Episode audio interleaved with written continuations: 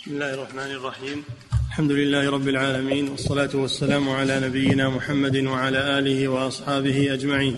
أما بعد قال المؤلف رحمه الله تعالى وعن أبي هريرة رضي الله عنه قال قال رسول الله صلى الله عليه وسلم أو قال سمعت النبي صلى الله عليه وسلم يقول من أدرك ماله بعينه عند رجل أو إنسان قد أفلس فهو أحق به من غيره.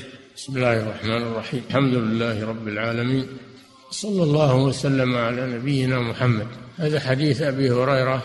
قال قال رسول الله أو قال سمعت رسول الله. هذا من باب تثبت بالرواية. شك من الراوي.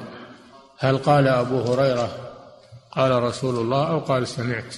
وإن كان المعنى لا يختلف لكن هذا من باب تثبتهم في الرواية.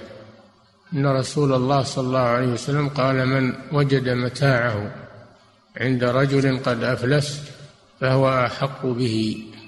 من وجد متاعه بعينه عند رجل قد أفلس فهو أحق به. المفلس هو الذي ديونه أكثر من ماله. هذا هو المفلس الذي ديونه أكثر مما عنده. فإذا طالب الغرماء بحقوقهم فإن الحاكم يحجر عليه يحجر عليه التصرف في ماله من أجل حقوق الغرماء هذا هو المفلس. سمي مفلسا لأنه صار يتعامل بالفلوس من الفقر.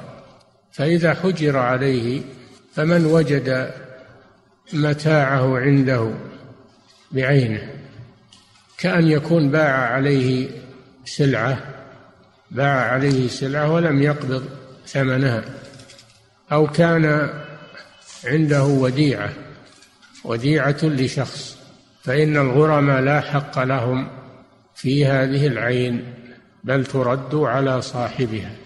وهذه مسألة هذه عند الفقهاء مسألة الظفر. مسألة الظفر.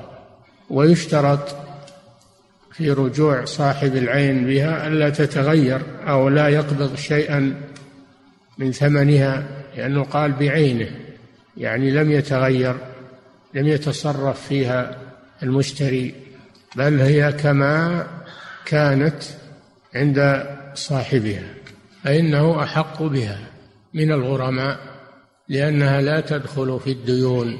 دفعا للضرر عن صاحب السلعة. هذا ما يفيده هذا الحديث وهو يتعلق بالإفلاس في باب الحجر. نعم.